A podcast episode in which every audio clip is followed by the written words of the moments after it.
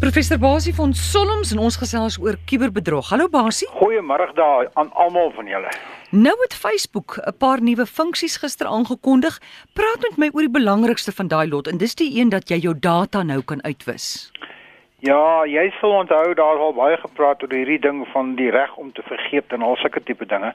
Maar dis nou nie heeltemal waaroor dit hier gaan nie. Wat Facebook hier aangekondig het, is nou maar gister gedoen. Die idee van uh wat hulle in Engels noem clear history. Met ander woorde, maak skoon my geskiedenis. Nou, kom ons vat dit 'n stap terug. As ek en jy 'n gewone webleser gebruik, dis nou 'n uh, browser, maar uh soos Google of soos uh Safari of wat ook al, dan hou die die webleser in homself uh trek van watter webwerwe het jy besoek. En as iemand anders later kom op daai selfde rekenaar van jou, kan hy gaan kyk waar was jy gewees. Mm. Maar die webleser het baie maklik die die fasiliteit om te gaan uitvee. Jy kan self ingaan, jy gaan self na die betrokke plek toe. En skielik is al daai daai geskiedenis van waar jy was is weg. Dit kan jy op die oomblik glad nie met Facebook doen nie. Nou, op Facebook moet jy onthou dit werk soos volg. Veronderstel jy gaan loop in die web in die web uh wye web die die kuberruimte rond met jou webleser en jy kom by 'n plek af wat kom ons sê skoene adverteer. Hmm. Heeltemal op jou eie, glad nie deur Facebook nie. En jy kyk na die ehm um, na die webwerf en jy gaan jy sê nee, ek gaan dit nie koop nie. Môre sien jy op jou Facebook profiel 'n advertensie van daai skoene. Nou jy was glad nie naby Facebook gewees toe jy hierdie skoene gaan bekyk het in die kuberruimte of by daai webwerf nie. Nou waar kry Facebook dit? En dit werk so dat daai webwerf van daai skoenmaatskappy het 'n ooreenkoms met Facebook dat hy stuur vir Facebook 'n boodskap terug wat sê hoor hierso, Kosie was hier gewees en hmm. Kosie het gekyk na die skoene en hier's Kosie se besonderhede. En Facebook gaan kyk en hy sê ja ja, Kosie is 'n is 'n Facebook kliënt, hy's 'n Facebook gebruiker, hy sy profiel, en volgende keer as jy aanlok, aanskakel na Facebook, toe daar's daai skoen daar.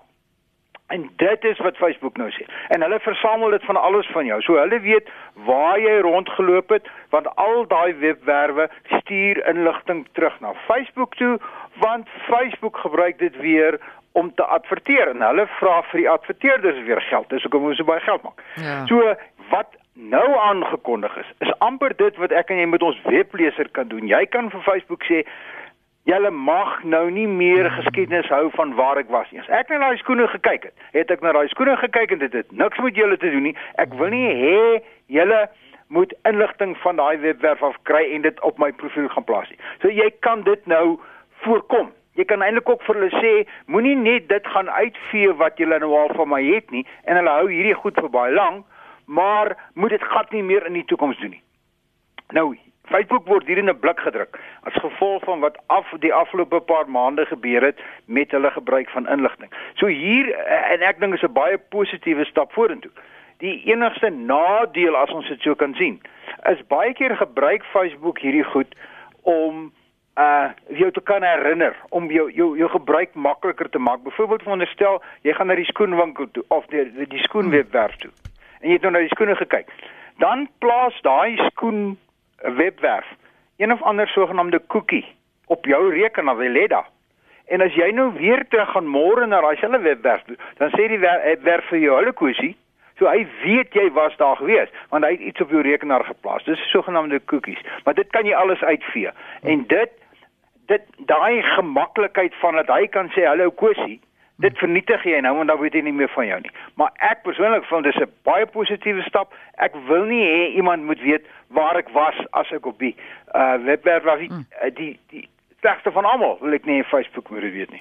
Maar basies blykbaar is dit nie genoeg nie want Jan Koum, die medeskepper van WhatsApp, het nou geloop omdat hy koppe stamp met Facebook. Waaroor stamp hulle ja, koppe? Ja, hierdie is 'n groot storie hoor. Jan Koum en en sy mede-stigter daar's twee van hulle gewees wat WhatsApp so hier in 2009 het hulle die die ding van die grond af gekry. En hulle hulle filosofie as jy teruggaan na die oorspronklike WhatsApp filosofie het hulle gesê daar sal nooit advertensies op WhatsApp wees nie. Mm. jy jou data sal absoluut veilig wees.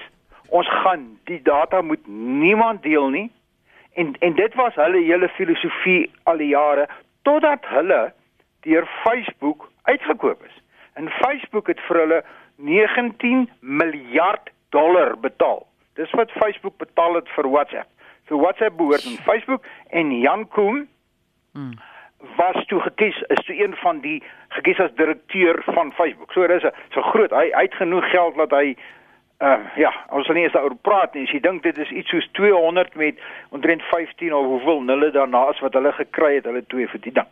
Maar die filosofie van Facebook en die filosofie van WhatsApp verskil.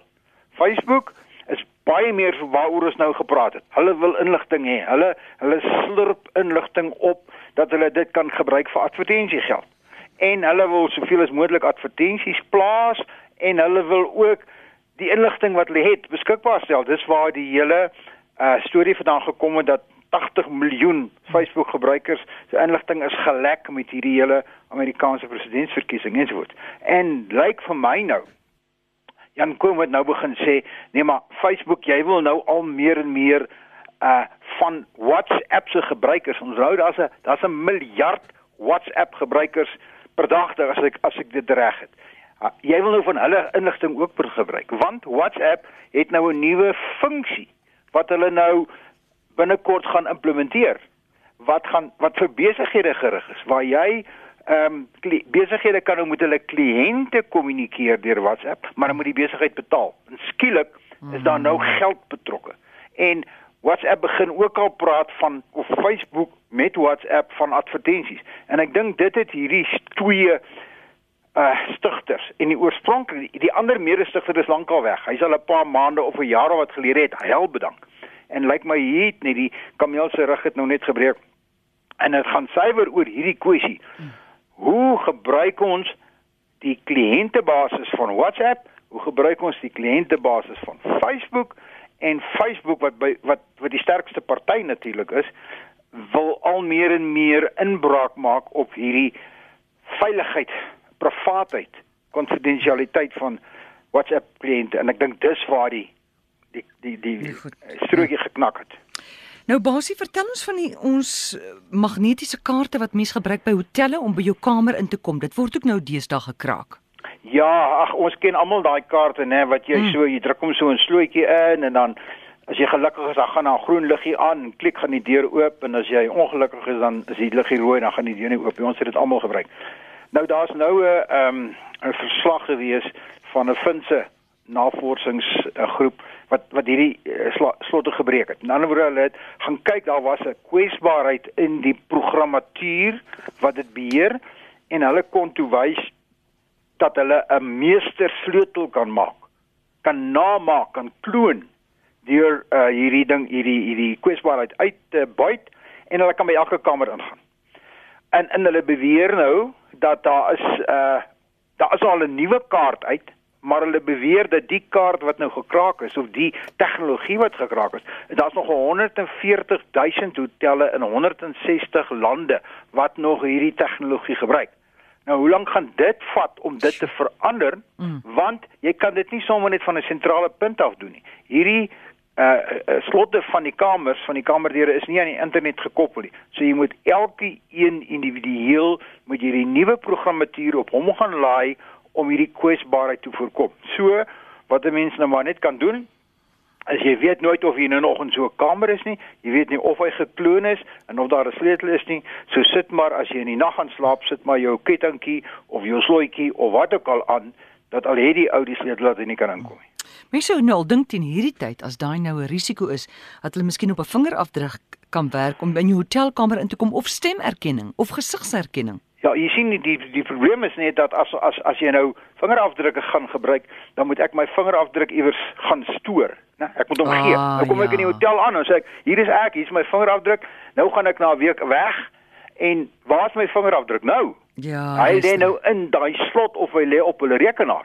Maar die stemafdruk is dieselfde. So, jy weet, elke een van hierdie goed wat veiliger is, het 'n nadeel en veral as jy internasionaal reis dan is ek 'n baie baie siniese ou oor vingerafdrukke en stemafdrukke, maar nou los jy jou jou jou voetspoor digitaal en biometries dwars oor die wêreld. Goed.